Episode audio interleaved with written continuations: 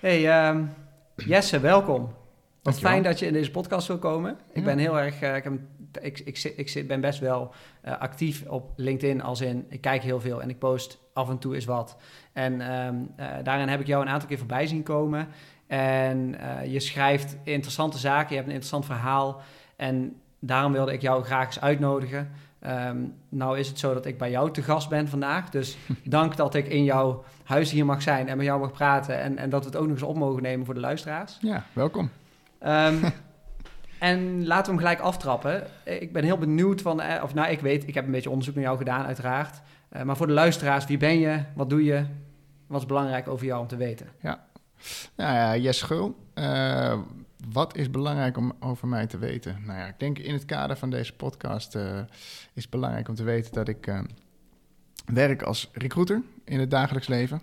En ik zeg wel eens gekscherend, eh, recruiter by day, ondernemer by night. Ja, Dat is niet helemaal zo, want het loopt wel in elkaar over. Maar ik werk dus als recruiter, adviseur, werving en selectie. En daarnaast heb ik een eigen onderneming waarbij ik sollicitatietrainingen geef. En ja, dat gaat een beetje hand in hand. Maar dat zijn de dingen die ik, eh, die ik veelal doe eigenlijk. En volgens mij gaan we daar vandaag vooral over praten. ja. Ja, en ja, eh, ja dus eh, enerzijds het, dus, dus enerzijds ben je heel inhoudelijk betrokken bij sollicitatieprocessen. Ja. Ondersteun je organisaties. Anderzijds ondersteun je de kandidaten. Ja, In de ja. vorm van trainingen, Ja, ja, ja, het gaat, kijk, Dus je staat aan beide kanten eigenlijk. Ja, zeker. Ja. Ik denk overigens dat het altijd in elkaar overloopt. Want ik ben begonnen met, met het ondersteunen of het geven van sollicitatietraining... omdat ik vanuit mijn werk als recruiter veel sollicitanten al kon helpen... en omdat Mhm. ik dat leuk vond om te doen. Dus het, Ja, het, het, it comes with the job, zou ik maar willen zeggen. Ehm, maar het klopt, ja, ik zit aan beide kanten eigenlijk van de tafel. En dat is ook denk ik waar mijn kracht ligt en waarom mensen het, nou ja goed, jij zegt je, je komt op LinkedIn tegen. Nou, dat geloof ik wel. Soms, Ja. eh, ik ben daar vrij aanwezig, maar ik denk dat veel mensen mij volgen ook omdat ik die beide kanten van de tafel kan laten zien. Ja, Ja. ja. dat, dat denk ik ook. En daar, dat is met, met name ook, ehm, denk ik dat dat ten grondslag ligt aan ook jouw scherpe mening vaak over het veld. Of zo, hè? Ja, je lacht. En, eh, eh, maar maar daar, daar komen we nog wel op. Ehm, maar kan je ons eens meenemen in hoe je hier bent gekomen? Dus is wat je doet. En, en hoe is dat zo gekomen? Waar ben, je, waar ben je gestart? En wat zijn een beetje de milestones die je tussendoor hebt gehad om hier te Ja. komen? Ja, dan moet ik eh, even een stukje terug. Toen ik twintig was, ik denk dat dat eh, ongeveer het eh, startpunt is voor velen waarop ze beginnen. Tenminste, voor mij wel aan, aan, aan het werkende leven. Ja, En ik ben begonnen bij de politie. Politieschool gedaan, eh, op straat gewerkt, hoofdagent in het uniform. Dat heb ik vijf jaar gedaan. Toen ben ik eh, intern doorgestroomd, gesolliciteerd naar de recherche. Daar heb ik gewerkt, vijf jaar als rechercheur. En toen na tien jaar politie dacht ik van, nu is het mooi geweest. Eh, ik wil wat anders. Wilde je altijd al bij de... Hoe, hoe, want je bent begonnen bij de politie, Ja. maar daarvoor heb je natuurlijk ook al twintig jaar geleefd. Wilde, was dat een soort van jongensdroom? Of Nee, kwam je... Hoe, hoe ging dat dan? ja, nou, dat is, een goede vraag. Nee, het was absoluut geen jongensdroom. Dat denken mensen altijd, hè. Als je ja, een beetje bij de politie zit van, eh, Ja. oh, je wilde vast op je vierde al... eh, nee, Ja, ja, ja, ja, ja. Totaal niet. Want je Nee. vader deed dat ook. Ja, Ja. nee, absoluut niet. Ehm, hoe is dat gekomen? Nou, eigenlijk doordat ik niet zo goed wist wat ik wilde doen toen ik klaar was met de HAVO. Mhm. En toen heb ik ehm, twee keer een HBO-studie geprobeerd, maar ik kwam niet verder dan de kantine. Mhm. En toen ben ik na een half jaar weer gestopt. En toen dacht ik, ja, wat wil ik nou? Kon me niet motiveren. En toen ben ik eigenlijk naar een studiekeuzeadviseur gegaan. Ja. En nou, dan doe je allemaal testjes en dat soort zaken. En vervolgens kwam, er daar, kwam daar een aantal dingen uit. Mhm. Ehm, waaronder de politie. Ja. En toen dacht ik, hè, de politie? Oh. En toen ben ik gaan verdiepen erin. Ja. Toen dacht ik, ja, dat klinkt eigenlijk wel leuk. Je kon gelijk, want dat is het grote voordeel. Je gaat vanaf dag één ga je geld verdienen. Ehm, op die leeftijd erg belangrijk. Ja. Ja. op elke leeftijd. Maar in ieder geval, Ja, op die leeftijd is het echt een groot voordeel. Want ja. al je leeftijdsgenoten, die, ja, die moeten een bijbaantje hebben naast hun studie om aan geld te Mhm. komen. En jij hebt gewoon in één keer een volwaardige Mhm. baan. Kijk, het is nog het is een laag salaris in het begin, maar je gaat werken, leren en alles tegelijk. En dat, dat praktische, dat sprak me heel erg aan, ja. ja. Dus zo ben je, ik let's eigenlijk- go. Ja. Nou ja, helder. Toen dacht ik, ja, toen dacht ik, let's go. Ja, in alle eerlijkheid eh, zat ik, zat ik in eerste instantie te kijken. eh, dat is ook zoiets hè, wat, je, wat je bijstelt in de loop der jaren. Maar in eerste instantie keek ik naar de leidinggevende functies van de politie. Want ik had Oh, dus ja. nog wel een stom beeld, achteraf een naïef beeld. Zo van, hè, de politie. Want ik had dus inderdaad helemaal niet die jongensdroom. Dus ik dacht, de politie, ja, maar ik ga er niet op straat bonnen uitschrijven. Ja, Dus toen dacht ik, nou, maar leidinggevende van de politie lijkt me dan wel leuk. ja. Dus, en je hebt verschillende niveaus waarin Ja. je kan instromen. Mhm. Dus dan ging ik kijken van oké, dat leidinggevende niveau, dan ga je naar de politieacademie, dat leek me nou wel interessant. Maar toen kwam ik daar vrij snel achter dat dat, dat niet eh, aan de orde was. Die helemaal als Eh, het werkte. Nou, het had te maken met het opleidingsniveau. Technisch verhaal zou ik je niet mee vermoeien, maar in ieder geval, Ja. ik kon daar, kwam daar toen niet voor in aanmerking. Ja, ja. En toen ben ik gaan kijken naar dus het straatwerk, hoofdagent. ja, En toen dacht ik, ja, dat is eigenlijk ook wel tof. Dus ik stond niet gelijk te springen, maar het was even een zoektocht. Maar uiteindelijk, eh, toen ik eenmaal begonnen ben, heb ik daar echt geen dag spijt van gehad. Nee. Helder, Ja. helder. Tien jaar dus bij de politie gezeten, Ja. een groot deel ervan bij de recherche. Ja. En toen? En toen had ik eh, deeltijd had ik een studie gedaan, HBO, toch nog wel. Dus eh, Ja. ooit- is het me gelukt. Ja, ja, ja. Eh, commerciële economie. En daar wilde ik iets mee gaan doen, logischerwijs. Want ja, je hebt dat die HBO-diploma op een gegeven moment gehaald. En dan denk je, nu wil ik daar ook de vruchten van plukken. ja. Alleen, niet geheel verrassend, kon ik daar niet zoveel mee binnen de politie. Want ja, commerciële economie, eh, wat moet je daarmee binnen Ja, de politie? ja. Nou, niet zoveel, kan ik je vertellen. Dus toen ben ik er buiten gaan kijken. Toen heb ik gesproken met een, eh, met een recruiter. Mhm.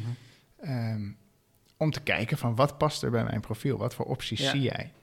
En toen zei die recruiter van, wil je niet recruiter worden? Ja, En daar heb ik nooit over nagedacht. Maar Ja. toen dacht ik, ja, Ja. poeh, geen idee. Maar ja. toen ben ik daar weer over na gaan denken. Toen dacht ik, ja, waarom niet? Ik zie het als een mooie kans. En zo ben ik de recruitment ingerold. Dus ja. En over tien jaar was je arts of zo. wie Ga je weet, met de als mensen loopbaan dan me vragen. praten. Want jij hebt best op hele, ke- hele hoe noem je dat? Belangrijke momenten dat je twijfelde of dat je iets nieuws zocht. Dus met iemand gesproken, echt hulp gezocht. Iemand gezocht om een goed advies van te krijgen, zal ik het zo zeggen. Ja. En daar eigenlijk je ook door wel laten leiden, of in ieder geval een, een zetje van ontvangen. Met best een behoorlijk resultaat.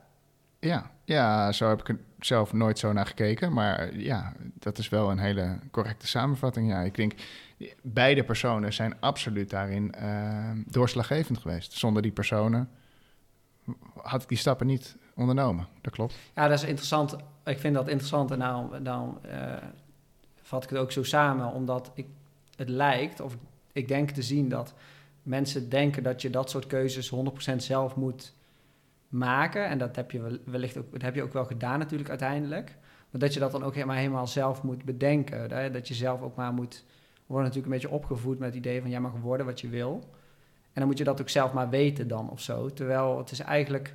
Ik denk dat heel veel mensen baat zouden hebben, bij zouden hebben... als ze op een gegeven moment zeggen van... hey, ik weet het even niet. Ik ga eens even met iemand praten die de wereld kent... en die er verstand van heeft. En ik ga, gewoon eens, ik ga het gewoon eens proberen... in plaats van maar blijven nadenken... en, in een, en, en, en op een gegeven moment bevriezen of zo... en niet meer in actie komen. Ja, dat, dat, dat is wel zeker. Want ik ben sollicitatietrainer, of weet ik veel hoe je het wil noemen. Ik Ja. noem mezelf overigens geen sollicitatietrainer, maar zo zou je het even heel praktisch gezien eh, eh, kunnen noemen. Ja. Want dat is wat ik doe. Mhm. Ik, ik, ik geef mensen tips hoe ze moeten solliciteren. En Mhm. waardoor ze ja, aangenomen worden, feitelijk. Juist, dat is het juist. resultaat. Maar in de praktijk voer ik heel veel gesprekken met mensen die, Tuurlijk. die vragen van... maar wat past er bij mij? Of Ja. wat moet ik doen? Ja, Of, eh, ja, zit er natuurlijk vaak onder. Dat is een heel vaak een onderliggend probleem. Dus eh, nee, dat is heel herkenbaar. Mensen, mensen weten zeker... Nou, het is wel een leeftijdsdingetje, heb ik het idee. Niet, de meeste mensen vinden op een gegeven moment wel een soort van... of doel, passie, of misschien soms een soort berusting. Dat kan ook.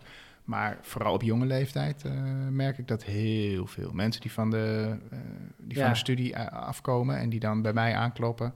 en die eigenlijk niet zo goed weten wat ze moeten doen. En die ook, dat merk je ook aan hun sollicitaties. Die hebben er vaak drie, vier verschillende sollicitaties lopen. Ja. Totaal uiteenlopende functies. Dat je denkt, Ja. nou, dit is echt... eh, als je dit leuk vindt, vind je dat sowieso niet leuk. Ja, of, ja, of vice versa. Dus dat is, een groot, eh, dat is een groot probleem, denk ik. Ja, probleem. Het is gewoon iets... Het is een fase in je leven waar iedereen doorheen gaat. Ja, Ja. ja. En, en eh, als je dan zo iemand tegenkomt, stap je dan met, met plezier in de- ook de rol van de loopbaanadviseur? Of zeg, Nee. Of, ja, dan kan je dus wel... Ik kan, ik kan me voorstellen, maar dan spreek ik voor mezelf... dat dat heel verleidelijk is ook. om daar dan ook bij te willen helpen of dat dan ook te doen? Of zeg je dan wel nee, dan, dan, dan draag ik een Ja. stokje graag over aan, Zeker, ja. aan collega's of zo?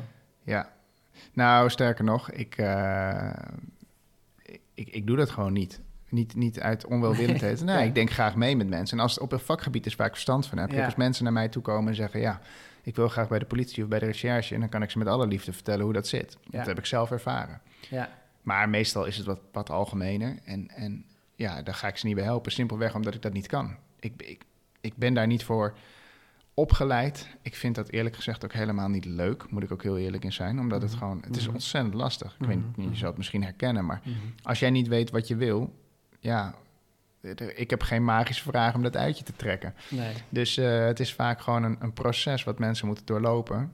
Wat, ja, waar veel bij komt kijken. Dat heeft ma- je moet, moet gesprekken voeren met anderen. Eh, wellicht zijn er bepaalde inderdaad assessments of tests die je bij helpen. Eh, maar het is vooral een stukje soul searching. Van waar ben je goed Ja, in, wat vind je leuk. En dat, dat, dat, dat, dat vraagt om een meer softe, psychologische aanpak. Ja, En daar ben ik niet van. je gaat meer de coaching op, hè? Ja, en ik Ja, ben geen helder. coach. Helder, Ja. helder, helder. Nou ja, ik vind dat wel knap ook dat je die... eh, want eh, dat zeg je heel, heel expliciet en eh, duidelijk. Maar het is natuurlijk best wel makkelijk, in, in, nu ook, om eh, jezelf dan wel opeens het woord- dat woord coach toe te eigenen. hè, En dan zeggen van, nou, ik ben dat wel. En, want er, mensen stellen mij die vraag. Mhm. En, eh, eh, en ik denk er wel iets van af te weten of zo. Want, want je kan wel zeggen, ik, ik, ik, kan het, ik heb het antwoord niet. Nee, dat is zo. Maar je kan ze waarschijnlijk wel een stapje verder helpen. Dus ik vind dat wel een soort van... vergt wellicht ook wel wat discipline. Misschien gaat bij jou vanzelf. Om, het, om daar die kaders te trekken. Dus dat vind ik wel... Dat, ehm, eh, dat, ik denk dat dat ook wel goed is. Ik denk dat je daar ook wel... Dat de mensen daar... eh, om, om de mensen dan ook door te sturen naar iemand die er... Die daar inderdaad voor opgeleid is. Coachingsopleiding heeft gedaan. Of die echt loopbaanadvies kan geven. Dat is wel, dat is, dat is, eh, ja, ik vind dat, ik vind dat wel knap. Ja. Helder, maar als ik je dan toch, als ik je dan toch een soort van, eh, een, want, en dan niet als, niet als loopbaanadviseur, maar als, meer als ehm, ervaringsdeskundige in het zoeken naar de juiste baan of discipline of richting.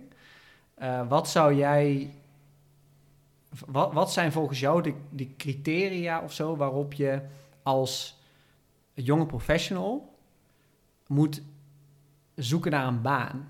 Dat makes sense. Dus wa- waar zou je, als, als er nou iemand van, van, van, van eh 22 bij jou binnenkomt lopen Mhm. en die zegt van hé, hey, ik eh, moet een baan zoeken en eh daar wil ik graag, maar ik heb geen idee hoe ik ga selecteren. Wat zou, wat zou dan jouw, wat, welke criteria of richting zou jij dan meegeven?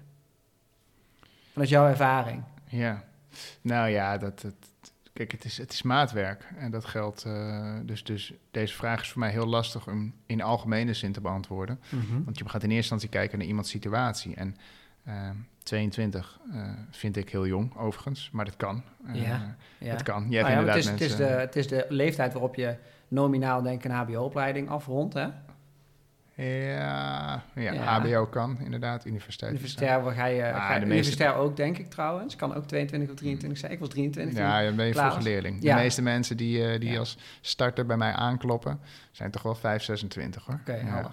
Maar goed, dat, dat we het zeiden. Kijk, het hangt er vanaf wat voor studie heeft iemand gedaan. Dat is, dat is vraag één. Weet je wel? Waar, waar, eh, waar, liggen, waar liggen je kansen? Wat voor richting? Hoe breed is die studie? Is het een, is het een hele specifieke studie? Is het een algemene studie? Ehm, dat, zijn, dat zijn ontzettend belangrijke dingen. Maar ik, ik, kijk, dat is ook de reden om nog even terug te komen ook op dat stukje van loopbaancoaching. Eh, ik heb totaal niet de neiging om, om, om, om, die, om dat woord coach aan te nemen. Ja. En ook niet eens zozeer om mensen heel erg door te sturen naar een loopbaancoach. Ik, ik zeg wel dat dat een optie is. Ja, ja. Maar het is niet de heilige graal. Nee. Want dat heb ik heel vaak helaas gehoord. Dat mensen zeggen, ja, ik heb bij een loopbaancoach gezeten en het heeft niks geholpen. Ja, Omdat, maar dat is ook zo, want dit is, dat kan die loopbaancoach niet kwalijk nemen. Het is gewoon ontzettend moeilijk om te bedenken wat je wil worden. Of wat je wil doen en wat je leuk vindt. En als jij het niet weet, hoe moet die loopbaancoach dan weten? Nou, dat geldt hier ook. Als mensen mij vragen, ja, oké, hoe kan ik zoeken? Ja, ik kan, ze, ik kan ze hele goede tips geven hoe ze moeten zoeken.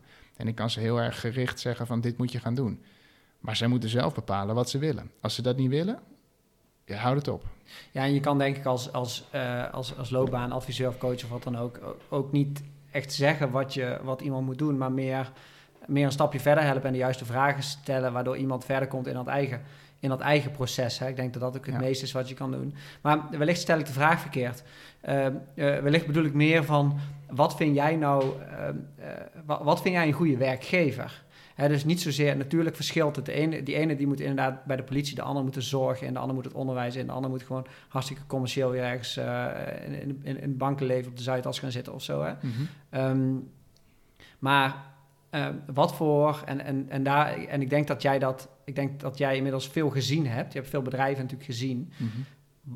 Bij wat voor werkgevers, en dan bedoel ik geen namen, maar dan bedoel ik meer op basis van kenmerken, een soort van red flags of zo, hè? of green flags, als je het, eh, Ja, als je ja. het wil. Wa- waar moet je heen en waar moet je vooral wegblijven? In de start van je carrière. Ja, in de, in de zeg, zeg eerste, tweede, misschien derde loopbaanstap, tussen je twintigste en dertigste, een beetje dat. Ja, ja. Ja, dat is. Dat, toevallig kreeg ik die vraag laatst ook, inderdaad. Wat zijn red flags? Waar moet je op letten? Ja, ik denk. ehm, wat, wat, wat, wat red flags zijn, zijn bedrijven die. eh, bedrijven en organisaties die te veel mooi weerspelen. Ja, Dus als jij een vacature leest of als jij een recruiter spreekt ehm, en ze schetsen je een heel rooskleurig beeld, dan moet je wel enigszins argwanend zijn. Omdat het kan en het hoort ook bij het proces. hè. Ik bedoel, geen vacature zal natuurlijk eh, negatief ingestoken worden. Maar dit, laat ik het zo zeggen, er zijn heel veel commerciële bedrijven die toch echt, echt eh, banen veel mooier schetsen dan dat ze daadwerkelijk zijn. ja, En dat, dat is gewoon hetgeen. Kijk, als mensen niet transparant zijn of als ze niet, of als ze niet de, de, de, de minder mooie kanten benadrukken, dan moet je gewoon enigszins onraad, eh, onraad ruiken. Want het, het, het klopt gewoon dan niet helemaal. ja. Dus dat zou een red flag zijn. Maar ja, het is, het is heel moeilijk. Dit, dit stukje is, het, het is logisch. Ik begrijp de vraag, want het wordt ook heel vaak aan mij gevraagd. Mhm. Ook in mijn training, dan zeg ik van waar willen jullie het nog over hebben of wat willen jullie Mhm, nog extra mhm. bespreken? En dan zeggen ze ja, hoe vind je nou die goede baan? Hoe weet je nou wat erbij past? Hoe moet je zoeken? Waar vind je het? Nou ja, het is gewoon ontzettend lastig. Ik, ik vind het zelf ook lastig als ik vacatures eh, eh, moet zoeken, eh, bij wijze van spreken als voorbeeld, en je gaat op Indeed zoeken. Ja, het stikt van de, van de vacatures en hoe filter je nou het juiste eruit? Kijk, wat heel erg belangrijk is, en ik, misschien dat ik daar iets meer richting een, een, een concreet antwoord ga, is je kan nooit op basis van een website of een vacature tekst Ja. bepalen van wat past, wat past niet. Je moet altijd er dieper induiken. En ehm, wat heel vaak vergeten wordt door menigeen, is gewoon om te bellen. Mensen Ja. vinden dat eng. Mensen weten niet goed wat ze moeten doen. eh, maar bellen is gewoon is de oplossing voor heel veel problemen. ja. Dus ja, als jij een Contact zoek- zoeken. contact zoeken, altijd. Ja, ga spreken met mensen. Ja. Dat, dat, dat werkt. Dat werkt gewoon.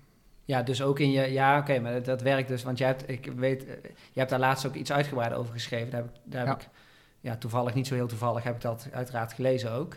Eh, dat, dat je eigenlijk een zware kans mist als je, als je niet belt, hè? Ja, ja zeker. Ja. Ja. Ja, ja, Bellen is eh, verplicht. Ja, maar en dus ook aan de kant van eh, het in, zelf informatie inwinnen, maar ook aan de kant van het eh ja, puntenscoren is misschien wat, eh, wat, wat, Nou, noem het maar punten. plat, plat benoemd. Nee hoor. Ja, het is misschien plat benoemd, maar het is wel gewoon feitelijk wat het is. ja, het is de andere kant. Ik heb, ik heb dat vaak zat meegemaakt. Kijk, niet iedereen zit er zo in, maar heel veel managers houden gewoon letterlijk bij wie er belt. En ehm, eh, je, je naam wordt opgeschreven in een, in, een, in een notitieboekje. En op het moment dat er een briefselectie plaatsvindt, dan kijken ze of je wel of niet gebeld hebt. Ja. Dus ja, eh, er staat niet letterlijk 1-0 achter je naam, maar feitelijk is- dat wel zo. Want iemand die niet gebeld heeft, staat niet opgeschreven in het boekje. En eh ervan uitgaan dat jij gewoon een beetje een fatsoenlijk gesprek hebt gevoerd aan de telefoon, is dat gewoon, het levert je dat een voorsprong op. Ja. Altijd. Check. Oké. Helder. Oké, dus ehm, de, de, de enige red flag die eigenlijk benoemt is eh, een te rooskleurig beeld. Want in elke organisatie is wel iets mis. En als dat niet wordt benoemd, dan, dan geeft dat blijk van een soort eh, tekort aan transparantie en, eh, en eerlijkheid. Mag ik het zo stellen? Ja, zo zou je het absoluut kunnen stellen, ja. ja. Een beetje gevreemd in hoe ik er ook naar kijk, want ik ben het met je eens. ja. Ik heb natuurlijk hier en daar ook een organisatie gezien en, en, en ook de nodige sollicitatiegesprekken gevoerd. Zelf, voordat ik mijn huidige baan kreeg. Mhm. Ehm, eh, maar ook aan de andere kant natuurlijk en veel ervaringen gehoord. Veel vacature, teksten, traineeships. traineeships die, die gouden bergen beloven in Ja. de vorm van trainingen, lezingen en interessante sporters en sprekers. En... Ja, nou dat bedoel ik. Dat zijn, dat, kijk, je hebt, je hebt heel veel verschillende soorten traineeships. Ja, wat vind je daarvan, traineeships? Nou, Laten we dat- eens even over traineeships hebben. Nou, daar heb ik, daar heb ik een hele duidelijke mening over. Ja, in de zin van, eh traineeships zijn super mooi. Ja. Als starter is het heel interessant. Maar Ja. traineeship is, en dat, ik zou ook niet weten waarom dat zou moeten zijn, maar is geen beschermde titel. nee. Dus iedereen kan zeggen dat hij een traineeship aanbiedt. Ehm, en daar moet je dus heel kritisch naar kijken als sollicitant. Want ehm, bij de overheid heb je oprecht hele mooie traineeships... waar je prachtige kansen krijgt... waarbij je verschillende mooie opdrachten gaat uitvoeren... trainingen, eh, eh, budgetten Ja. die inderdaad heel Ja. gunstig zijn. Maar ik ken ook zat commerciële partijen die zeggen... we hebben een mooi traineeship voor je... En eh, dat bestaat eh, uit eh, drie stoffige vrijdagmiddagen waar je een cursus krijgt. En Ja. voor de rest is het voornamelijk ehm, dat ze jou kunnen detacheren bij verschillende opdrachten. ja. Die niet Ja. per se in jouw voordeel zijn, maar vooral commercieel in het voordeel van die detacheerder. Daar ken ik zat voorbeelden van. Zou, ik, zou ik niet noemen hier. nee. Maar ehm, ehm, dus dat is het, het woord traineeship moet je, moet, je, moet je goed lezen waar het vandaan komt, zeg maar. En daar zie ik, daar zie ik heel veel eh jonge lui. En dan ben ik zelf ook nog niet heel oud, maar eh, ik zie, eh, ja, ondertussen wijs jij naar jouw kat, die hier, die hier roopt. Oh, een schatje. Wat een pluizenbol, zeg. Harvey Specter, de kat, loopt hier, loopt hier Precies. over een prachtig donkerhouten vloer. En als je naar eh Jesse's LinkedIn gaat, dan kan je ook een, dan kan je ook een heel goed gifje kan je zien van, van de kat. Dus ehm, eh, bij deze het advies om dat, om dat ook eh, zeker na het luisteren even te doen. Maar ehm, Die kat heeft meer volgers dan ik, zeg ik wel eens. ja. maar even de. de, de, de eh, ik, ik heb daar heel veel. Ik heb heel vaak natuurlijk als, als HR-man voor kennen waar ik werk. eh, natuurlijk ook mensen proberen binnen te halen. En jonge lui, dat je Ja. iemand aan tafel hebt zitten. En dat je gewoon ziet dat ze bij een groter bedrijf. wat, wat een heel aantrekkelijk traineeship heeft. Ehm, en dan kan je zeggen: hey, beste eh kennen in Venlo, waarom hebben jullie geen traineeship? Dat is een ander verhaal. Hè? Eh, kosten is een investering, et cetera. Mhm. Maar goed, worden, worden, naar een, eh, worden naar een traineeship toegetrokken. En met mijn ervaren HR-oog of zo, hè, durf ik dan te zeggen, zie ik, die, zie ik dat traineeship en dan denk ik, oh, je maakt een fout. Je gaat daar helemaal niet krijgen wat je zoekt, die ontwikkeling. En in het bedrijf waar je nu zit, Mhm. en dan, dat zeg ik dan even, het is makkelijk praten als, als, als je er een arbeidsovereenkomst hebt. Mhm. Maar, maar het bedrijf waar je nu aan tafel zit, daar ga je, want feitelijk wat je zoekt is ontwikkeling, coaching, vrijheid, zelfontplooiing. Dat is feitelijk wat je zoekt. Ja. Ehm, en, en, en mooi verpakt in een traineeship worden mensen daar vaak naartoe getrokken en zie ik daar veel ook de fout maken en dan ook na een jaar, twee jaar weer weggaan. Mhm. Misschien zou een mooie vraag zijn, want dat zie ik vaak gepaard ermee gaan. Ehm, als, als je aan een, dat zou dan mijn tip zijn, en ik ben, eh, als je aan tafel zit voor een traineeship, eh, is vragen wat het verloop is van jonge mensen bij dat bedrijf. Als in verloop van hoeveel mensen vertrekken er weer. Ja. Want je ziet vaak bij dit soort bedrijven waar jij op doelt, Mhm. dat het verloop van jonge mensen heel erg groot is. Ja. Dat, eh, dat 50 of meer procent van de mensen die daar binnenkomt, dat twee, drie jaar later niet meer werkt. Klopt. Dan weet je eigenlijk genoeg. Ja, maar dat hoeft niet erg te zijn trouwens. Hè? Want ik bedoel, ik denk ook dat... eh, nou, daar had ik toevallig vorige week ook een post over... over het stukje jobhoppen. Van wat is dat nou Mm. en is dat vervelend? Ja, Ja, kijk, ik denk dat... ehm, zeker op jonge leeftijd is het helemaal niet erg... om ergens eh, twee jaar te zitten en dan weer door te gaan. Dus dat hoeft niet slecht te zijn. Als je daar de juiste ervaring kan opdoen. Eh, maar dat, ook daarom is het heel moeilijk om hier een eenduidig antwoord op te geven... omdat het verschilt ook. De een zoekt vastigheid en wil graag door kunnen groeien binnen een bedrijf en Ja. vindt dat heel fijn. En een ander is gewoon op zoek naar snel stappen maken.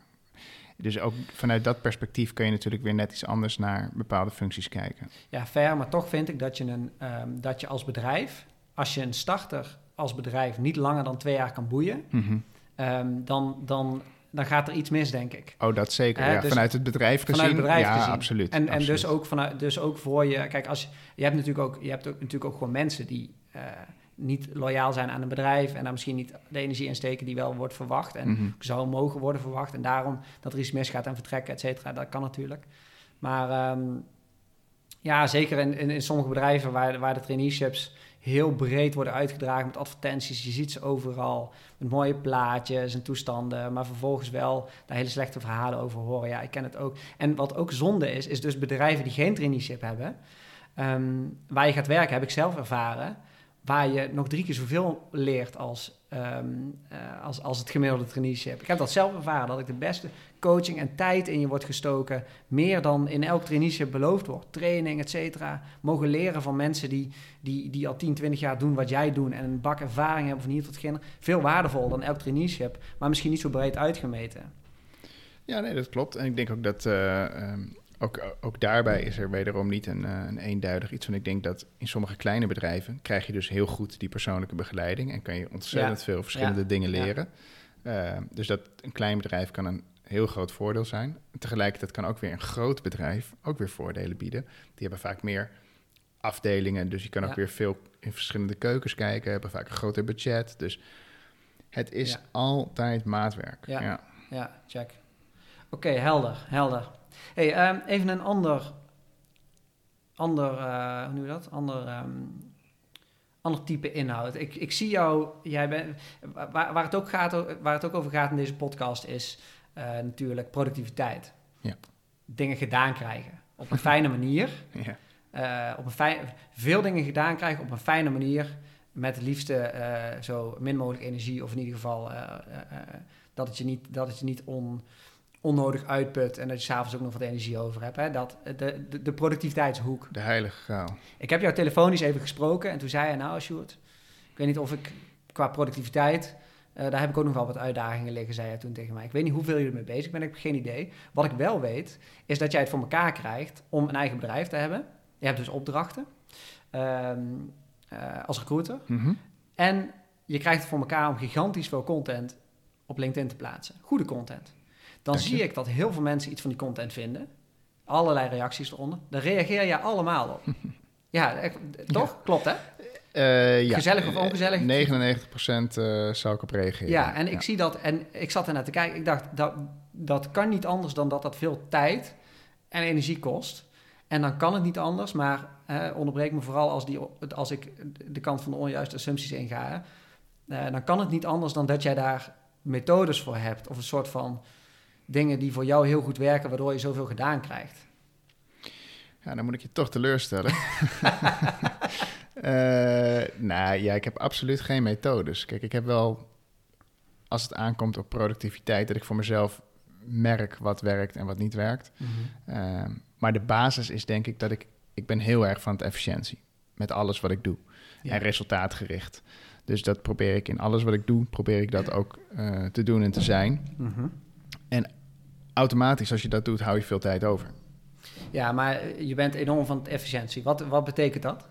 Nou, dat betekent dat uh, um, waar sommige mensen misschien heel lang doen over het formuleren van een antwoord op een reactie van iemand, kan ik dat heel snel. Dus die, inderdaad, ik reageer op iedereen op LinkedIn, mm-hmm. maar, je, maar je zou moeten zien hoe snel dat gaat.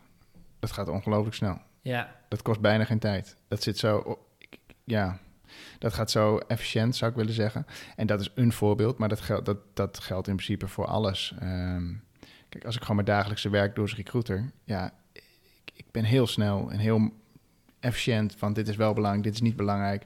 Hier ga ik mijn tijd niet aan besteden. Uh, beslissingen nemen kan ik heel goed. Ja, uh, ik, ja. Waar, waar mensen zeg maar soms uh, denken, oeh, ja, dat durf ik niet. Dan moet ik het even navragen Ja. aan die. En. Ja. en ja, dan krijg je die niet te pakken. En dan Ja. duurt het weer een dag voordat je antwoord hebt. Ja. Daar heb ik geen zin in, dus ik beslis gewoon. En ik zeg, ja, ik zeg liever sorry achteraf dan als het niet goed blijkt te zijn. Maar eigenlijk heb ik dat zelden. Dus eh, ja, en daar win je ontzettend Je veel verliest tijd ook niet mee. langzaam vrienden of zo, zo hier en daar. Zo. Nee, Nee, maar privé, privé ben ik wel echt anders dan, dan zakelijk overigens. Daar zit wel een groot verschil tussen. Ehm, zakelijk kan ik vrij hard zijn, ja. Ja, dus je bent besluitvaardig eigenlijk, hè? Dat is eigenlijk wat je zegt. Zakelijk, ja, ja. Zakelijk, ja, zakelijk vlak, helder, helder. Nee, dat snap ik. Maar, oké. ehm, Dus dat, en, en om verder te gaan, want hoe, hoe doe ik het dan verder qua tijd? mhm. Eh, ja, mijn werkweek, eh, die, die laat zich dus ook niet afkaderen. Kijk, ik ben absoluut niet van de school van ehm, keihard werken en superveel uren maken, want dat valt reuze mee. Mhm. Ehm, maar ik hou het ook niet bij. Ik, ik, het loopt voor mij in elkaar over. Als ik s'avonds op de bank zit en ik ben eh, niks aan het doen, dan ben ik aan mijn bedrijf aan het werk. Zeg Ja. maar niks doen, Eh, ik, ik kan bij mijn vriendin gewoon heerlijk Netflix kijken. Ja. Maar als we dat niet doen, of als zij er niet is en ik Ja. ben alleen, dan, dan ben ik aan het werk voor mijn bedrijf. Maar dat zie ik dan ook niet als werk. Dat zie ik als, als leuk. En als jij hier straks de deur uitloopt, dan ga ik weer verder met waar ik mee bezig was. Net als het schrijven van mijn LinkedIn-post voor morgen. Ja, en zo, eh, zo doe ik dat gewoon. En eh, ehm, ja, een enkele keer lukt dat niet, inderdaad, omdat, omdat je maar een beperkt aantal uren hebt. Ik, eh, ik zal nooit, ik zal nooit, je zal mij niet horen zeggen dat ik 70 uur per week werk. Dat gebeurt niet. Nee. Nee. Nou, dat is mooi. Dat is Ja. al, dat is, dat, dat is, en, ehm, want eigenlijk doe je, ehm, kijk, twijfel en perfectionisme, waarvan jij eigenlijk allebei zegt van ja, dat, dat doe ik gewoon niet aan. Nee. Dat zijn tijdvreters, Zeker, ja. eh, weet ik uit ervaring. Mhm. Ik ben dat juist, ik ben, daar, ik ben verre van besluitvaardig, juist heel erg van het eh, twijfelen en het overdenken. en het nog even een keer checken, het nog even perfectioneren, het nog even verbeteren. En eh, daarom vind ik deze vraag ook zo. ehm, wilde ik deze vraag ook heel graag stellen. Niet omdat een hele, het is een hele voor de hand liggende vraag, maar het is, maar het is ook omdat ik zelf daar. eh, ik, ik zat te kijken. Ik, ik bereid me een beetje voor voor zo'n, eh, voor zo'n gesprek als dit dan. Hè? Mhm. En dan zat ik even, ja, ik dacht, ik ga die post van hem wel even, was even, even lezen. Ik ga eens even lezen wat hij geproduceerd heeft. Ja, Ja. dat is gewoon geen, geen doen, hè? Dan kan ik gewoon een week vrij nemen en dat ik dat gewoon gaan doen. Zoveel is het. En columns hier en daar. En ik vind het gewoon heel knap dat je zoveel uit handen krijgt. Ehm, en, en daar ook... Da, daar moet dan ook toch een soort... ehm, eh, hoe komt het dat je zo besluitvaardig bent? Dan zit daar een soort... Ook, ook een soort zelfvertrouwen dan in? Of een soort risico durven nemen of zo? Ja, allebei.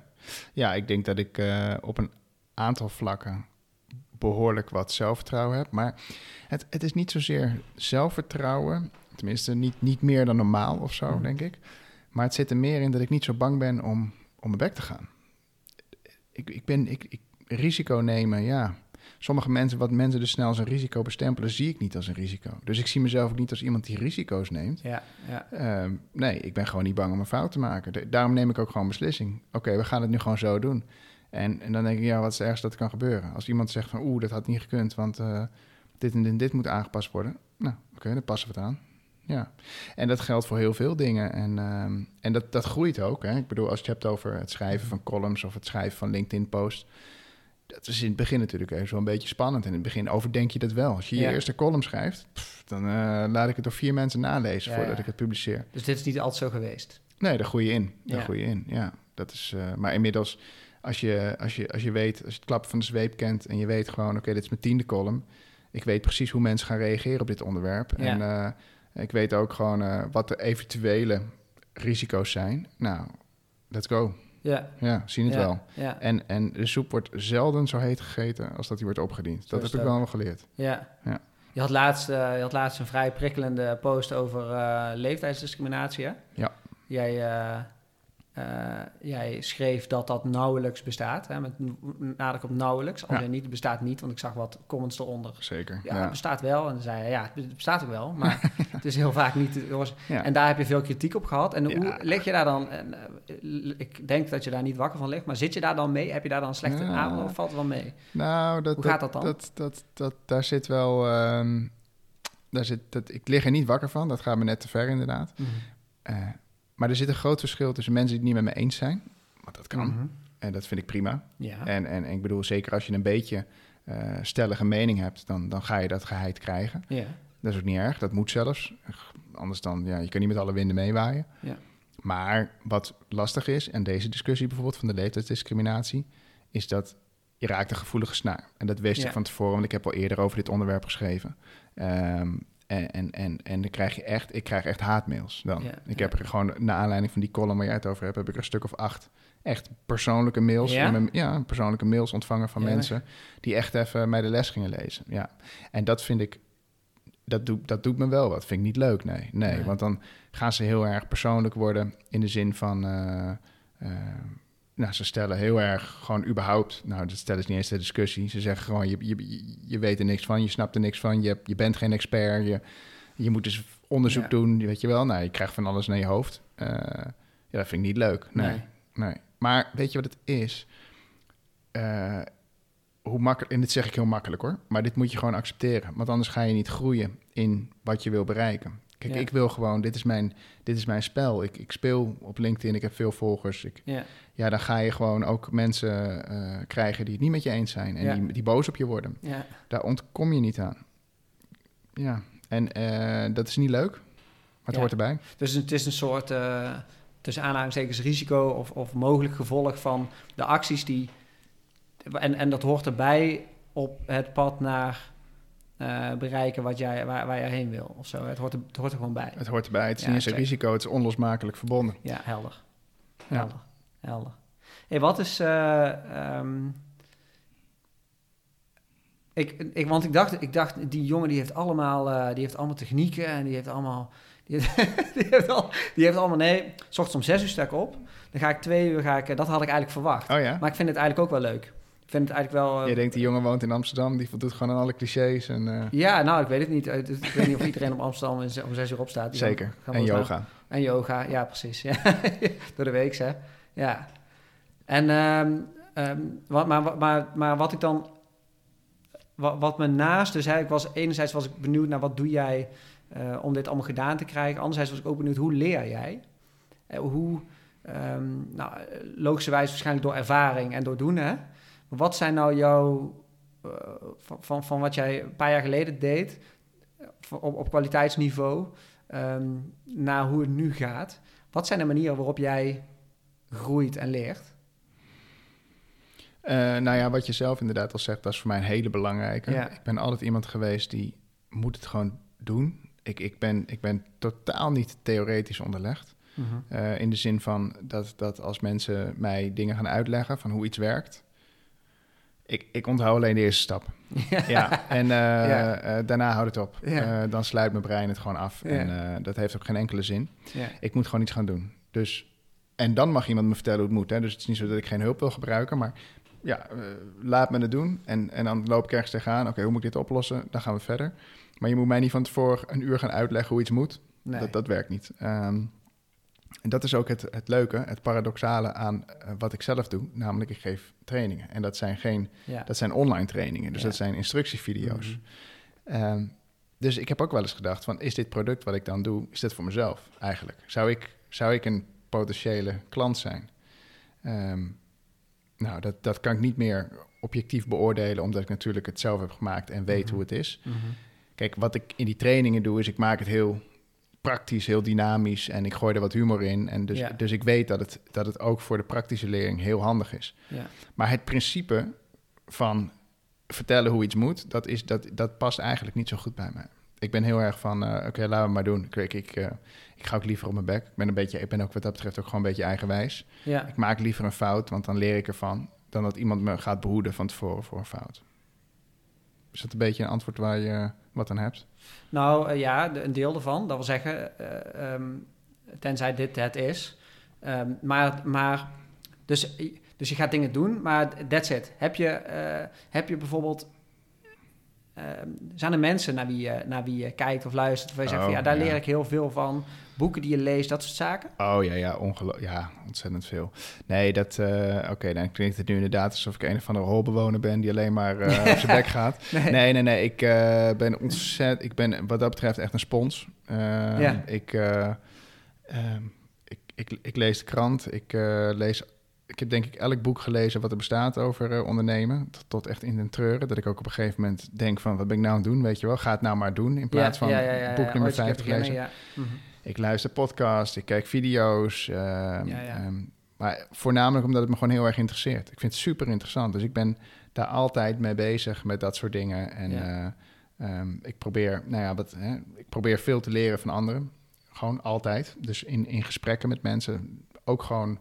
eh, ook niet, ook, hoeven niet altijd bekende mensen te zijn, hoor, maar gewoon, gewoon met iedereen, ook met directe collega's. Ja. Als, ik, als iemand iets goed doet, of als ik bij een bedrijf iets voorbij zie komen, ik, ik onthoud alles. Ja, vind ik dat, nee, ik ben, dat vind dat, eh, dat is echt ook, eh, dat moet in je zitten. Als je niet nieuwsgierig bent, En toch vind ik dat dan, eh, is dat dan alleen ogenschijnlijk tegenstrijdig met wat je net zei van dat ik hoef alleen, de, wat is dan het verschil met ik wil alleen de eerste, eerste stap horen en dan wil ik aan de slag. En wat je nu eigenlijk zegt van ik neem heel veel op. ja. Wat, wat, wat is dat dan? Snap je een beetje mijn verbazing? Ja, nou ja, ik snap wat je bedoelt. Ja. Nou, wat ik, wat ik opneem zijn dus gewoon de, de, de voorbeelden en de... En de ehm, ik, ik ben dus wederom niet van de theorieboeken. Dus eh, ik, ik lees niet echt boeken van hoe je, hoe, hoe je iets moet doen, bijvoorbeeld. Maar ik lees de biografieën van mensen, hoe ze Ja. iets gedaan hebben Ja, of eh, eh, dat soort zaken. En, en, en ja, wat dat betreft is, is mijn spanningsboog ook gewoon niet super lang. Mhm. Dus Mhm. eh, als ik inderdaad, eh, nou ja, TED Talks zul je ongetwijfeld kennen, dat soort Mhm, dingen vind ja. ik leuk om te kijken. Eh, maar dat zijn allemaal wel de kleinere, praktischere dingen, ja. ja. Want ik heb bijvoorbeeld er zo ook aan gedacht, dat is ook een hele belangrijke afweging geweest. Toen ik twee jaar geleden begonnen ben met mijn eigen onderneming, toen stond ik op een soort van crossroad, wederom, dat ik dacht van, ik heb mijn HBO-diploma, commerciële economie. Ik wilde verder, want ik, ja, ik, ik was op dat moment was ik, eh, weet ik veel, 34 of zo. Mhm. En ik dacht van, ik wil, ik, wil nog, ik wil nog door. Dit is niet mijn eindstation in Ja. het leven. En toen dacht ik, oké, er zijn grofweg twee keuzes die ik nu kan maken. En dat is of ik ga nog voor mijn master, Mhm. Mhm. of ik ga nu ondernemen. En ehm, nou, die master zou ik nog steeds wel willen halen. Dus het is niet zo dat ik die master niet interessant vind. Ja. Maar toen dacht ik, die hele weg eh, van weer twee, drie jaar theorie... Ja, dat, daar had ik op dat moment geen zin in. Toen dacht ik, Mm. ik ga het gewoon proberen, Ja. doen. ja, En dat is achteraf gezien een hele goede keuze geweest. Ja. helder. Top drie eh, boeken? Op dit gebied, Nee? in het algemeen. Überhaupt? Ja, dat is trouwens ook dit gebied. Zoveel andere boeken lees ik niet. Ehm, nou, daar kom ik zo nog even bij op terug. Daar moet ik even over nadenken. Dat is goed. Ga je tussendoor wel allemaal vragen stellen ook. Hè? Dus als jij dan tussendoor kan nadenken, dan vind ik je de, ben ik benieuwd. ben ik benieuwd of. Maar helemaal, helemaal goed. Ja. Ik ben benieuwd. Ik snap dat jij dit een moeilijke vraag vindt. Nou, ik heb dus geen... Ik heb gewoon ik niet een één... moeilijke vraag Ik heb geen één boek of Nee, zo waarvan ik denk... wow, dat, dat is echt life-changing, dat moet je doen. Je pikt van... Je, je haalt uit alle boeken, haal je wat. Ja, Wat ja, ik een heel interessant boek vind, dat echt een hele bekende is... is de 4-Hour Workweek. Ja. Die vond ik heel interessant, omdat ik die tien jaar geleden las, denk ik. En toen dacht van, wat, wat dat boek heel goed doet... Kijk, die 4-hour workweek moet je niet te letterlijk nemen... en dat is, dat is ook helemaal niet mijn streven. Maar wat dat boek ontzettend, wat interessant is, wat daarin voorkomt... is dat ze heel erg ingaan op die angst die mensen hebben. De angst om eh, je vaste baan op te zeggen. De angst om eh, ondernemer te zijn. Dat Ja. vinden zoveel mensen eng. En in dat boek gaan ze er heel erg op in van... maar, maar wat kan er nou gebeuren? Wat, is nou, wat kan er nou... Wat, hè? Doe het gewoon. En je merkt het wel. En, nou ja, en dat vond ik super inspirerend uit dat boek Ja. bijvoorbeeld. Dat deed bij jou een kwartje vallen of zo. Ja, toen ben ik ook gaan nadenken van ja, dat Ja. is ook zo. Waarom, waarom, waarom ben ik toen dan... waarom ben ik zo bang om een vaste baan op te zeggen? Ja. Ik heb dat toen ook gedaan. Dat heeft me zeker geïnspireerd om bij de politie te stoppen, ja. Want dat was natuurlijk de gemiddelde politieagent... gemiddeld zeg ik, inmiddels is het ook wat aan het veranderen... maar zeker vroeger, die blijft zijn hele leven bij de politie. Ja. Ja, Ja, waarom niet? ja, ja. Het, is, het is baanzekerheid, het, Mhm. is, eh, het is een warm, warm bad, het is Mhm. fantastisch. Mhm. Toen ik wegging, zaten mensen me aan te kijken van... Oh, wat, wow, durf je dat wel? Je neemt ontslag, wauw. Ja. ja, je bent En- toch een uitzondering dan, hè? Ja, Ja. En, en dat is wel iets wat ik uit dat boek onder andere heb geleerd. Dat, het, dat het helemaal niet zo eng is. En dat, had, dat gaf me wel dat setje. En, en daarna heb ik het ervaren. En nu weet ik als geen ander, helemaal nu ik fulltime ondernemer ben.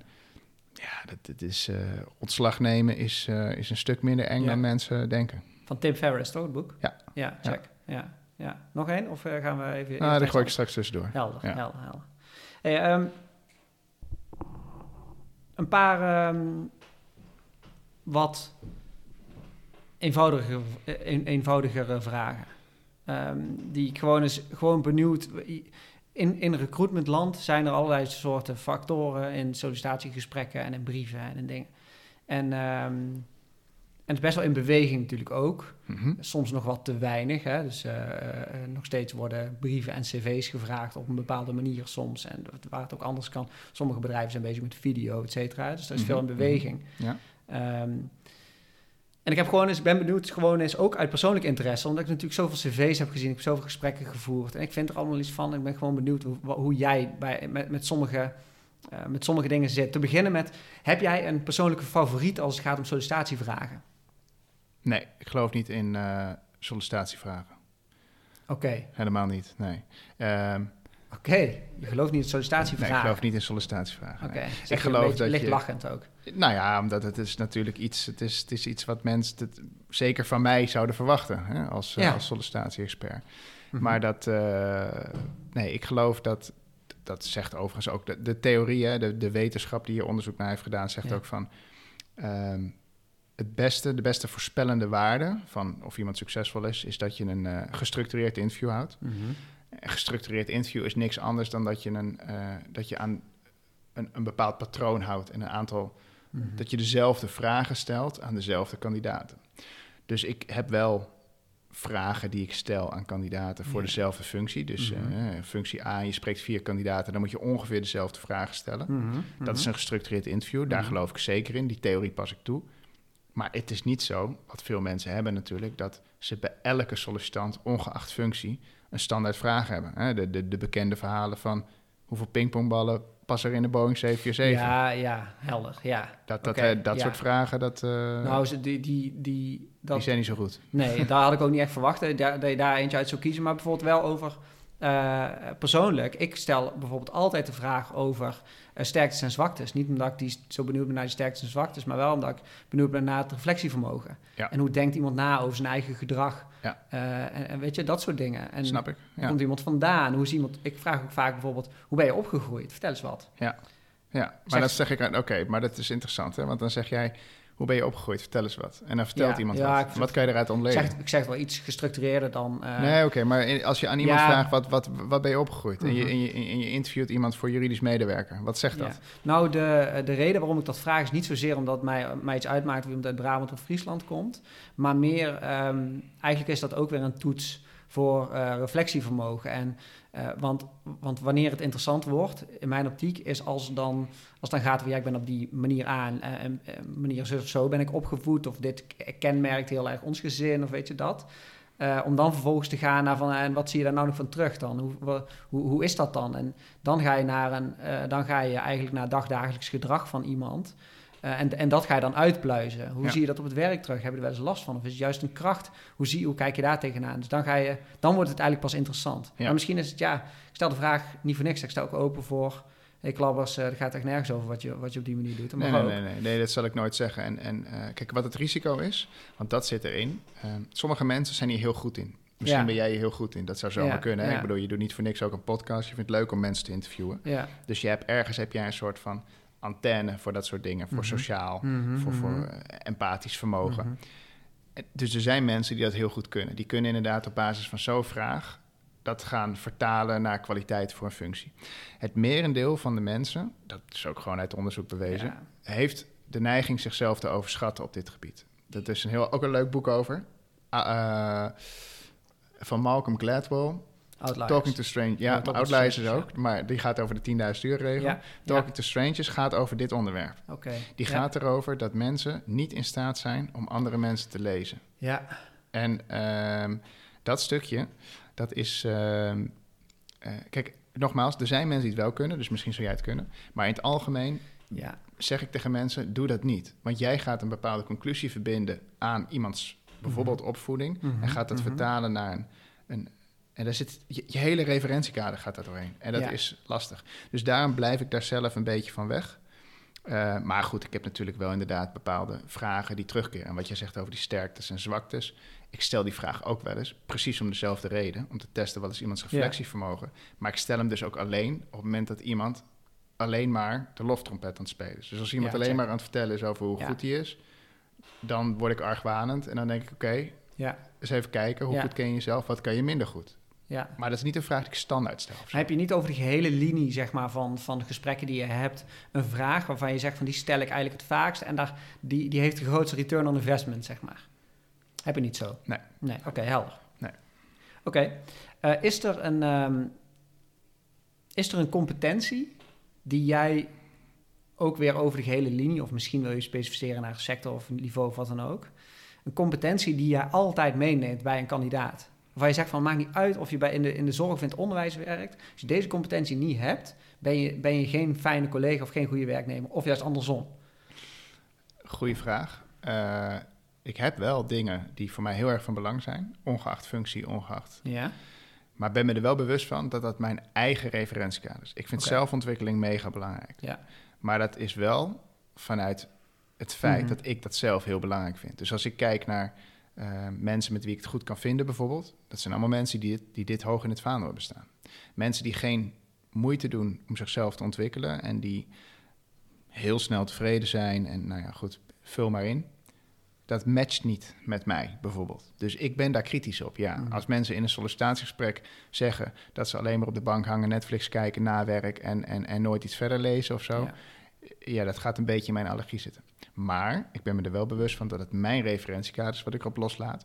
En dat ik dus wel, ik kijk wel kritisch, is dit nodig voor deze functie? En Ja. als je echt even heel sec een functie hebt waarbij heel uitvoerend en waarbij echt ook geen carrièreperspectief zit, dus we vragen ook niet veel van iemands ambitie, Mhm. ja, dan kan ik natuurlijk niet iemand gaan afkeuren op zelfontwikkeling. Dat is, dat is dan lekker mijn eigen probleem en dat moet ik bij mezelf houden. Ja, ja, dus zeker. zo heb ik zeker competenties die ik belangrijk vind. Maar en dat, kijk, dat is de key, vind ik, bij sollicitatiegesprekken. Eigenlijk überhaupt in een sollicitatieprocedure. Ehm, iedereen, iedereen, zonder uitzondering, beoordeelt vanuit zijn eigen referentiekader. Ja, Dus je moet er altijd, altijd rekening mee houden dat je het niet bij het juiste eind hebt. En dat is ook bij elke procedure, bij elk gesprek, hou ik er rekening mee dat dit mijn visie is en dat het niet klopt. Ik zal nooit over iemand zeggen dat hij niet geschikt is. Ik zal altijd zeggen, op, op dit moment denken wij dat je niet het Ja. beste past. ja, Want dit en dit en dit en dit.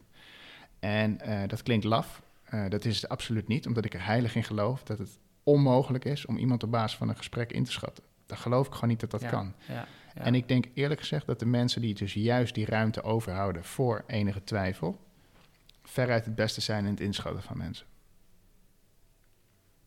Ik, ik ben ontzettend allergisch en alle, alle alarmbellen gaan rinkelen als mensen zeggen binnen vijf minuten weet ik al of kandidaat geschikt is. ja, Iemand die dat zegt, snapt er helemaal niks van. ja, En ik weet dat ja. voor de mensen die nu luisteren, dat ik nu de helft van de mensen beledig. Want dit is echt, echt een hele sterke opvatting. Eh, een algemeen heersende opinie. Ja, Het is echt onzin. Het is echt onzin. Bestaat niet. En de reden dat het komt, dat mensen dat denken, is omdat ze denken: ja, maar ik heb het nog nooit fout gehad. Nee, maar dat weet je ook niet. Want als je iemand na vijf minuten Ja. slecht beoordeelt en je wijst hem af, dan zal, dan zal diegene nooit het tegendeel kunnen bewijzen. nee, Maar hoe vaak heb je niet gehad dat je een collega leerde kennen... dat je na vijf minuten dacht van... Ah, irritant vent. En een maand later eh, was het je lievelingscollega. Dus dit is, dit, is, eh, ja, dit is mijn heilige overtuiging... dat mensen zichzelf hier zwaar in overschatten. Ja, dus eh, het gaat niet alleen over, over, over kandidaten het voordeel van de twijfel geven, of in ieder geval de kandidaten de, de, een fatsoenlijke kans geven om zichzelf te laten zien.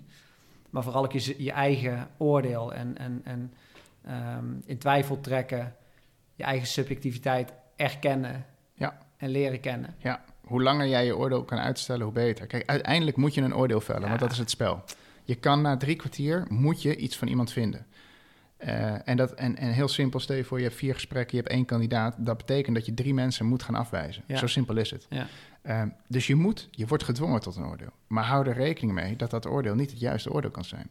En ehm, zal dus, dus, ja, die, een, die, die bescheidenheid, die, die oprechte bescheidenheid, want het is geen valse bescheidenheid, die Mhm. oprechte bescheidenheid zorgt er gewoon voor dat je je oordeel zo lang mogelijk uitstelt, waardoor je veel objectiever naar een kandidaat kan kijken. Ja. Gestructureerd interview zeg je dus, hè? Ja.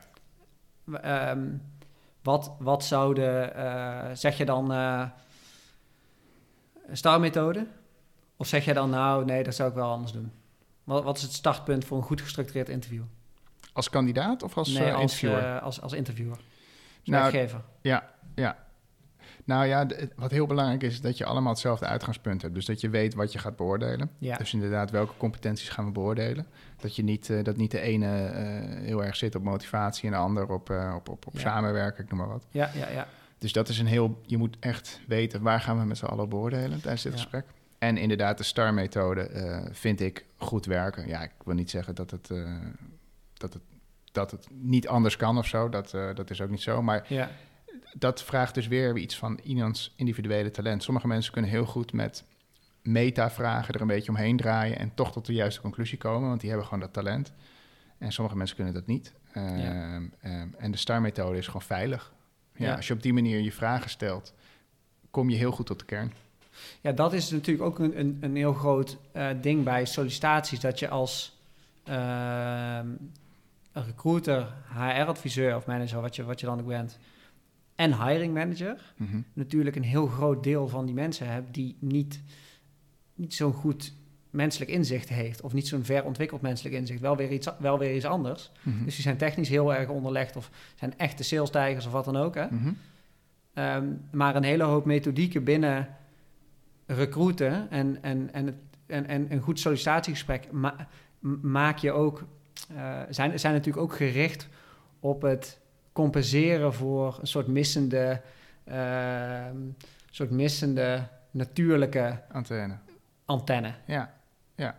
Nee, maar dat, Ja. dat, dat klopt. En dan heb je nog een deel van de mensen die denkt dat ze die antenne hebben. Ik denk dat ik daar on- daaronder val. Eh, en met nadruk op denk. En, en die, die, waarbij het eigenlijk een beetje tegenvalt. Ik ben een, begin een beetje te twijfelen over mijn eigen beoordelingsskills. Ik ben een redelijk, redelijk intuïtieve eh, interviewer. Ja, Eh, en, eh, en ik bevind bijvoorbeeld dingen als de STAR-methode, even voor de luisteraar. eh, dat, dat is een methode om eigenlijk een, eh, een sollicitant een bepaalde situatie te laten beschrijven en te vragen wat was jouw rol daarin, wat heb je gedaan, wat was jouw taak, hoe heb je daarnaar gekeken en, en, en daarover een reflectie ook te triggeren. Mhm. Ik vind dat altijd heel lastig, omdat, ik, omdat het me in een kader plaatst waar ik niet kan, ook, ook de, de, de juiste kant in, de kant in kan die ik, waarvan ik voel dat dat de juiste kant is. En waarvan ik denk van ja, daar moet ik verder op in, want Ja. dit is interessant. En hier leer ik iemand echt kennen. Ja. Weet je wel, daar vind ik dat moeilijk. Maar ik realiseer me ook dat, eh, dat, dat, dat, ik het, dat ik er zomaar eens naast kan zitten. En dat ik daardoor zomaar eens ook bepaalde kandidaten niet de kans geef die ze wel hadden moeten krijgen. Want het moet ook maar zo zijn dat de vragen die ik vervolgens stel vanuit mijn referentiekader en vanuit mijn taalgebruik en, en formulering ehm, moet passen in de taal die de kandidaat spreekt. En als dat Ja. niet past, dan, dan, dan ben ik die kandidaat gewoon aan het naaien met mijn, met mijn zelfvertrouwen en eh oogschijnlijk. en- Zeker. en- ik had vorige week een, eh, een casus, eh, een vraag die gesteld wordt, en die kan ik hier wel halen, is verder toch anoniem. Mhm. Die vraag, de vraag wordt gesteld vrijwel direct in, een, eh, in het sollicitatiegesprek. Heb je zelf wel eens te maken gehad met integriteitscasussen? En eh, eh, die vraag, in betrokkenheid betrokken bij. Of, nou, daar ga je dus al. Hoe, hoe interpreteer je dat? ja. Eh, eh, die vraag werd gesteld door een factuurhouder en eh, de, de kandidaat geeft er antwoord op. En later komt die kandidaat bij mij terug en die zei, ja, ik was helemaal overrompeld door die eerste vraag. Ja. En ik vond het heel persoonlijk gelijk. ja. En toen dacht ik, hé, hey, maar dat was helemaal niet de bedoeling. Want het was niet bedoeld als, ben je zelf betrokken geweest bij iets? Ja. Maar heb je het wel eens meegemaakt in je werk en hoe kijk je ernaar? Maar die kandidaat was vanaf minuut één off guard door een vraag die zij anders interpreteerde dan dat die in ieder geval door de factuurhouder bedoeld was. Ja. En dat is gewoon het grote risico van alles met betrekking tot sollicitatiegesprekken.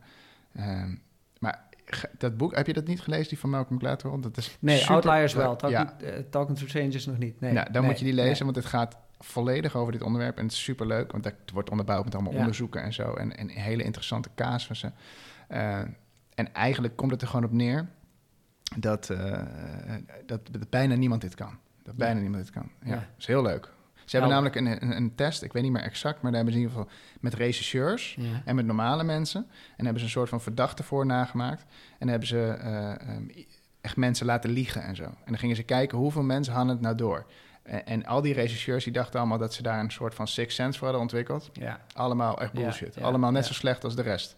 Nou, ik heb wel, eh, dus ik heb dit boek niet gelezen, maar ik heb wel eh, ook een deel psychologie ook gestudeerd. Naast Mhm. mij in de bedrijfskunde. Daarom, daarna de HR ingerold, omdat het een hele logische combinatie natuurlijk was.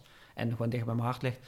En ehm, wel met nodige portie eh, biases en heuristieken van, van mensen bestudeerd. Ook Daniel Kahneman, eh Ons Veilbare Denken. ja. Boek, de- als je dat hebt gelezen, dan vertrouw je je, je eigen oordeelsvermogen echt nooit meer. Eh, dus ik snap wel wat je zegt. En, eh, ehm, eh, maar, het- maar, maar wat de moeilijkheid is, ook, ook is... ehm, je eh, weten van eigen heuristieken en biases en allerlei patronen in je oordelingsvermogen... Mhm. ehm, daarvan weten, daarvan bewust zijn...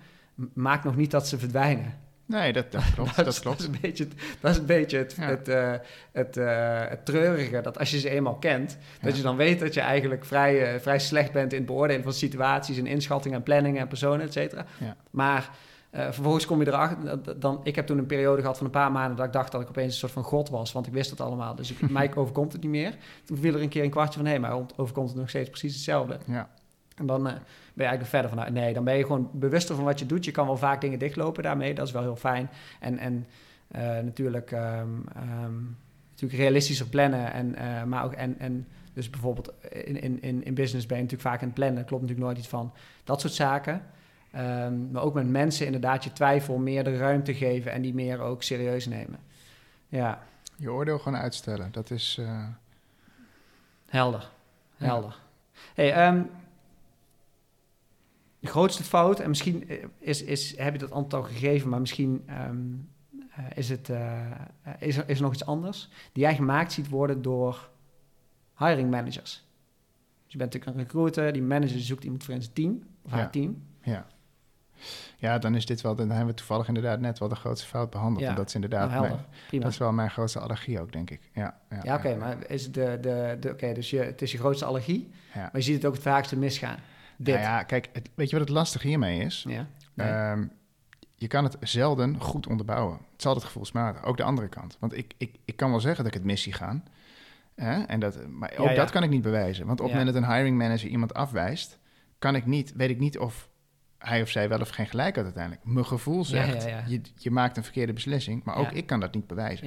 Dat maakt dit vakgebied, recruitment, HR, ook zo ontzettend lastig. En daarom roept iedereen altijd over data en cijfers en het meetbaar maken. Maar het is niet zo makkelijk. Want dit soort dingen ga je niet zo makkelijk meetbaar maken.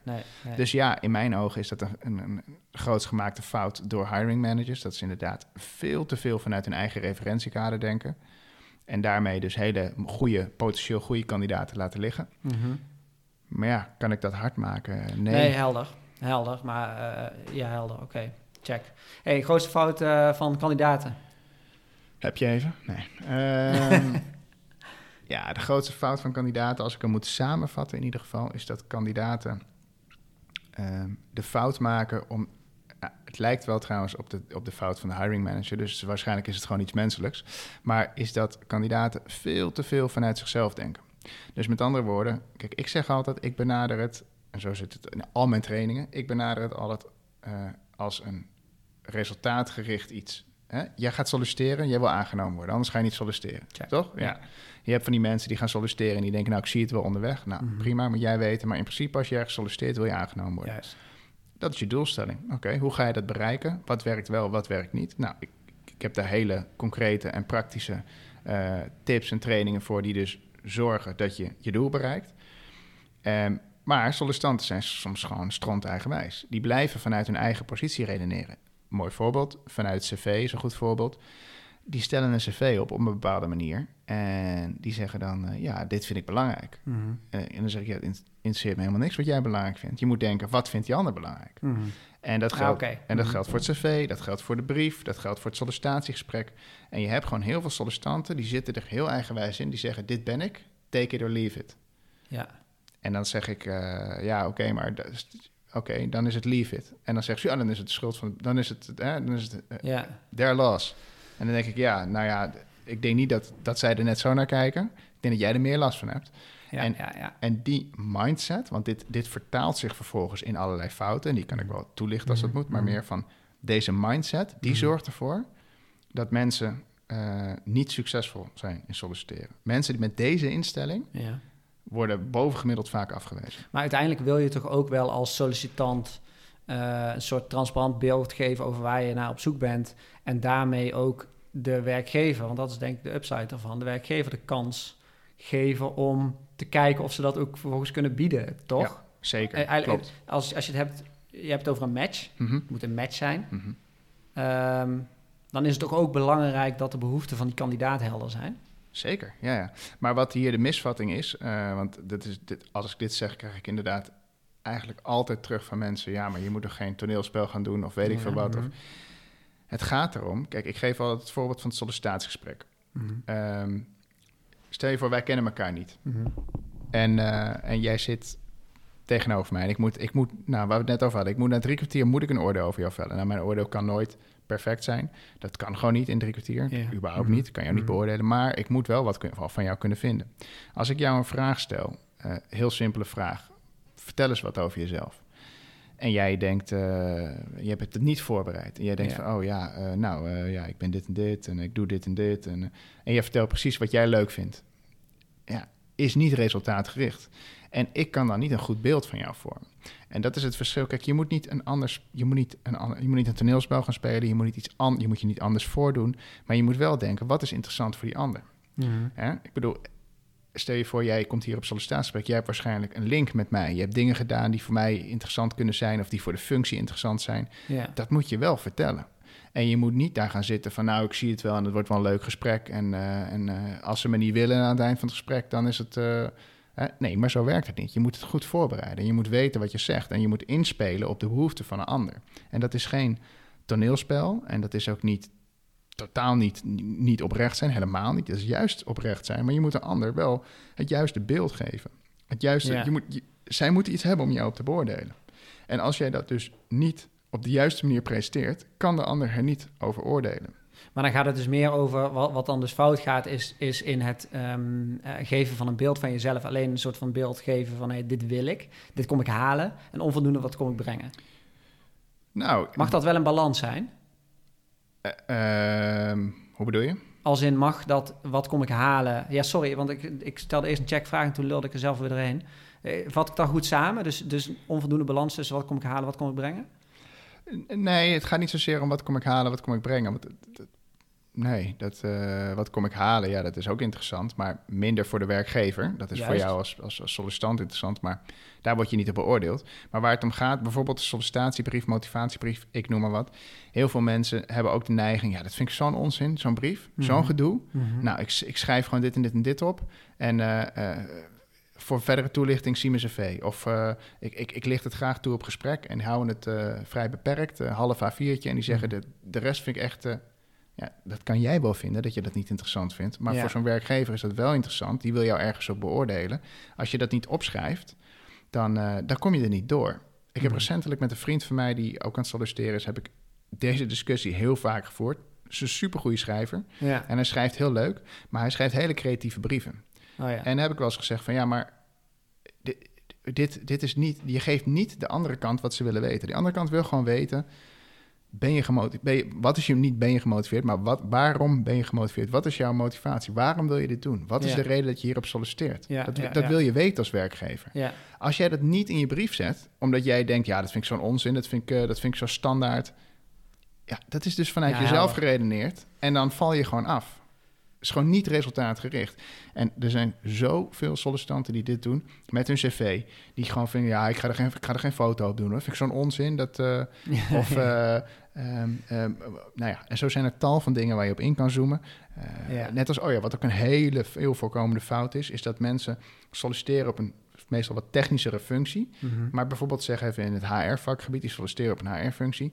En die zetten dan bij hun werkzaamheden allemaal jargon. Oh ja. En dan zeg ik, dat moet je niet doen. En dan zeggen ze, hoezo niet? Ik solliciteer toch een HR-functie, die weet toch wat het is? En dan zeg ik, ja, maar jouw, jouw cv wordt vaak eerst door een recruiter gelezen. Mhm. Die weet niet wat dat allemaal inhoudt. Ja, dat is toch niet mijn probleem? Dat, die recruiter moet dat weten. Dan zeg ik, nee, dat zie je dus helemaal verkeerd. Ja, ja, ja. Misschien heb je gelijk. Misschien zou die recruiter dat moeten weten. Maar kan je nu al vertellen? Dat weet die recruiter niet. En jij gaat afgewezen worden. Dus wiens probleem is het nou? Ja. En dan, en dan nog blijven ze stront eigenwijs door te zeggen... ja, dat, eh, daar weiger ik aan mee te werken. Hey, heel veel succes, maar dan ga je nog vier, vijf keer afgewezen worden. Ja. En dat is de overkoepelende fout die sollicitanten maken. Ze beredeneren altijd vanuit hunzelf. Bang om gekwetst te worden. Gooien een soort muur op, want het is een soort van bescherming van je ego. Niet willen aanpassen. Mhm. Gewoon dit ben ik, take it or leave it. En die instelling eh, zorgt ervoor dat je niet succesvol bent. Zo simpel is het. Ik kan echt, geef mij, een, eh, geef mij een gesprek met een sollicitant van vijf minuten. En ik kan inschatten, dus iets anders dan of ze geschikt zijn, hè, maar ik kan inschatten of ze succesvol zijn. Want Ja. dat, dat, dat merk ik gelijk, of een sollicitant succesvol is. Want dat Ja, heeft te maken met mindset. En, en dan is het dus, de, de kunst is dan dus hè, eh, om, om als sollicitant in, in het hoofd van de eh, recruiter en de hiring manager te, te duiken voordat je start aan je sollicitatie eigenlijk. Ja, ja, en dat hoef je niet Ja. heel psychologisch te zien, maar gewoon heel simpel. Als jij iets gedaan hebt eh, Ja. qua werkzaamheden, dan moet je dat uitleggen in begrijpelijke taal. Ja, ja. Ik zeg altijd, eh, bijvoorbeeld bij een cv, eh, je buurman moet het begrijpen. Als, je, als jouw buurman, en ervan uitgaan dat hij niet in dezelfde werksfeer zit, die moet jouw cv snappen. Als hij het niet begrijpt, doe je het niet goed. Helder. Helder, dank. Ehm, laatste vraag. Die ik nog, eh, want we hebben het eigenlijk helemaal niet. Mensen kunnen op jouw LinkedIn kijken. Ja. En daar alles lezen wat je in de afgelopen jaren hebt geschreven. En er staat heel hoop nuttigs tussen. Maar ik ben wel benieuwd bij jou ook. Wat vind jij nou jouw beste post? en dat mag een persoonlijke voorkeur zijn, hè? Hoeft niet, Ja. Het gaat niet over eh, likes of bereik of wat dan ook. Ja. Mag, mag gaan over jouw persoonlijke voorkeur. En dan wil ik die graag hier even kort nog delen. Poeh, ja, dat, dat- dat mijn luisteraars dat, dat, dat ook horen, snap je? En ook, ik kan wel zeggen, eh, ga maar naar die LinkedIn. Maar je hebt zoveel nut. En als jij het niet weet, dan durf ik, ook- durf ik ook nog wel wat, eh, wat, wat, wat te noemen. Want ik heb namelijk wel een voorkeur, maar ik Ja. wil het van jou horen. Ja, ja, ja. Nou ja, ik denk dat jij uiteindelijk een echt het moet noemen, want ik weet dat niet zo goed. En ik zou dat ook raar vinden om dat zo Waarom? op te noemen. Nou, omdat mijn... Je favoriet? Of, Ja, Ja. nee, ik, ik, heb er, ik schrijf er zoveel inderdaad. Ja. En eh, ehm, de een is beter dan de ander. Maar om echt een favoriet te benoemen, dat heb ik niet. Maar wat ik wel Mhm. ehm, merk en wat, eh, wat, ik heel erg, wat heel erg goed werkt en waar ik zelf altijd trots op ben als dat Mhm. lukt, is humor. Want humor, eh, iedereen heeft humor. Tenminste, bijna iedereen heeft humor. Maar met je vrienden aan tafel een grap maken Ja. is heel wat anders Ja. dan een grap in, een, eh, in Ja. een stukje tekst verwerken. Dus op het moment dat het me lukt om ehm, mensen aan het lachen te krijgen, en dat zie je aan de reacties, Ja. Ja. ehm, dan ben ik altijd heel tevreden. Ja. En, dat, en dat, dat lukt me ja, geregeld. En, en de ene keer meer dan de ander. Maar op het moment dat ik dat heb, dus op het moment dat ik een stukje humor erin kan verwerken en wel mensen aan het denken kan zetten, een serieuze boodschap, want alleen, alleen maar humor, daar heb je ook niks aan. Ja.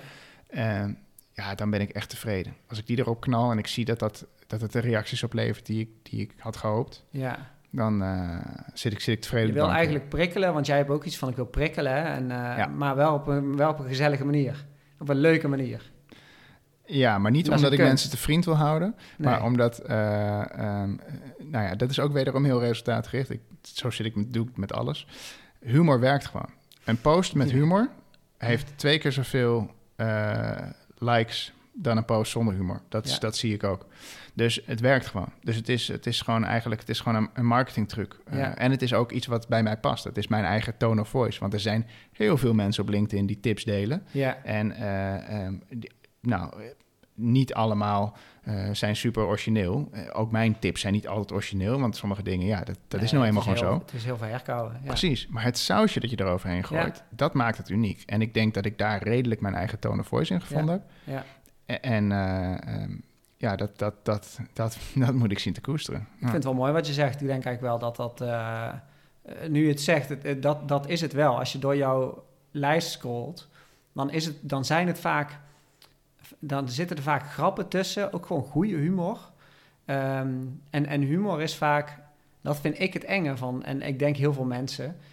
eh, humor dat, dat is ook... ehm, je moet maar hopen dat het valt bij mensen. Ja. Of zo, hè? Ja. En eh, ik snap nu ik jou wat beter ken... dat, dat, jij, dat jij dat er inmiddels... ehm, nou ja, als je een grap maakt, dat je dat gewoon doet, hè? Maar, en, en dat vind ik ook wel...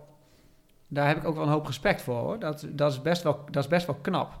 Ik denk dat daar, daarom ook jij su- succesvol bent op dat platform. Omdat je gewoon die... Inderdaad, die filter... eh, die vaak onterecht is, wat minder toepast. Ja. Hoe vaak ik al niet voor mijn scherm heb gezeten... en gedacht van, ja, dit vind ik eigenlijk zelf heel geestig. Maar dan toch weer, het toch weghaal. Ja. En nooit weet of anderen het ook geestig vinden.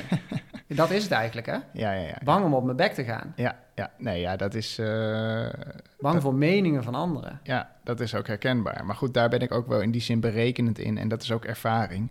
Ja. Want de, je allereerste post doe je dat niet. En ehm, op een gegeven moment doe je het voorzichtig. En Ja. op een gegeven moment doe je het een keer gewaagd. ja. En ehm, je weet ook precies wanneer de grens over gaat. Want ik ben ook wel eens, nou, niet zozeer met humor, maar gewoon met uitspraken te ver gegaan. En dat ik inderdaad dacht van, oeh, dit levert niet de reacties op die ik wil. ja. En dan weet je ook, oké, dit is dus een soort van grens. Mhm, En, mhm. en daar word je berekenend in. Ik weet nu Ja. gewoon van mijn grappen, de post van vorige week eh, die ik had geschreven. Er stonden op een gegeven moment, ik wel drie grappen in of zo. En de eerste ging over eh, The Voice. Oh, En eh, die vond ik zelf erg leuk. En ik denk dat heel veel mensen het leuk vonden. En toen dacht ik, nee, nee, nee, nee. Want ik weet dat er ook mensen zijn die Ja. dit nog niet leuk vinden. En die hier toch aanstoot aan nemen. Het was heel onschuldige grap verder hoor. Maar meer van, ja, lichte gevoelig, heb ik eruit gehaald. Het is niet dat je er niet over nadenkt. Nee, absoluut niet. Ik je denk goed Je filtert wel degelijk. Ehm, Ja, ja, ja. Ik ben niet van het... eh, want er zijn ook mensen die, die, die hebben dus wederom zoiets van... take it or leave it. Dit Ja. ben ik, dit doe ja, ik. Ja, En dat kan ook werken. Want ik bedoel, dan vult het die doelgroep zichzelf al uit. Ja. Maar nee, ik denk wel na over, eh, ook over taalgebruik. Waar ik privé eh, makkelijker kan vloeken bijvoorbeeld. Mhm. In spreektaal. Hè? Dat je, Mhm. dat, je kan eens balen en dan denk ik, eh, wat is dit verdomme? Ja. Ik zou nooit verdomme schrijven in een post. Nee. Nee. Dus ik denk daar wel degelijk over na, ja. Helder. Leerzaam. Ja, Leerzaam. Zeer leerzaam voor, eh, voor iedereen die wel eens naar, eh, naar zo'n naar zo'n post van jou kijkt. Of andere mensen die gewoon heel goed kunnen schrijven en daar, en daar een groot bereik mee halen. En gewoon ook andere mensen inspireren. Of mensen willen dat natuurlijk. Hè. Het is een best wel befaamd nieuw soort eh, ja, beroep of zo. Hè? Ik weet niet hoe je het mag noemen. Hè? nou, Best ja. is een nieuwe, nieuwe job, hè? Het is, het is, het is... Content eh, creator of zo, hè? Je Geef het niks als een dat zo- naam.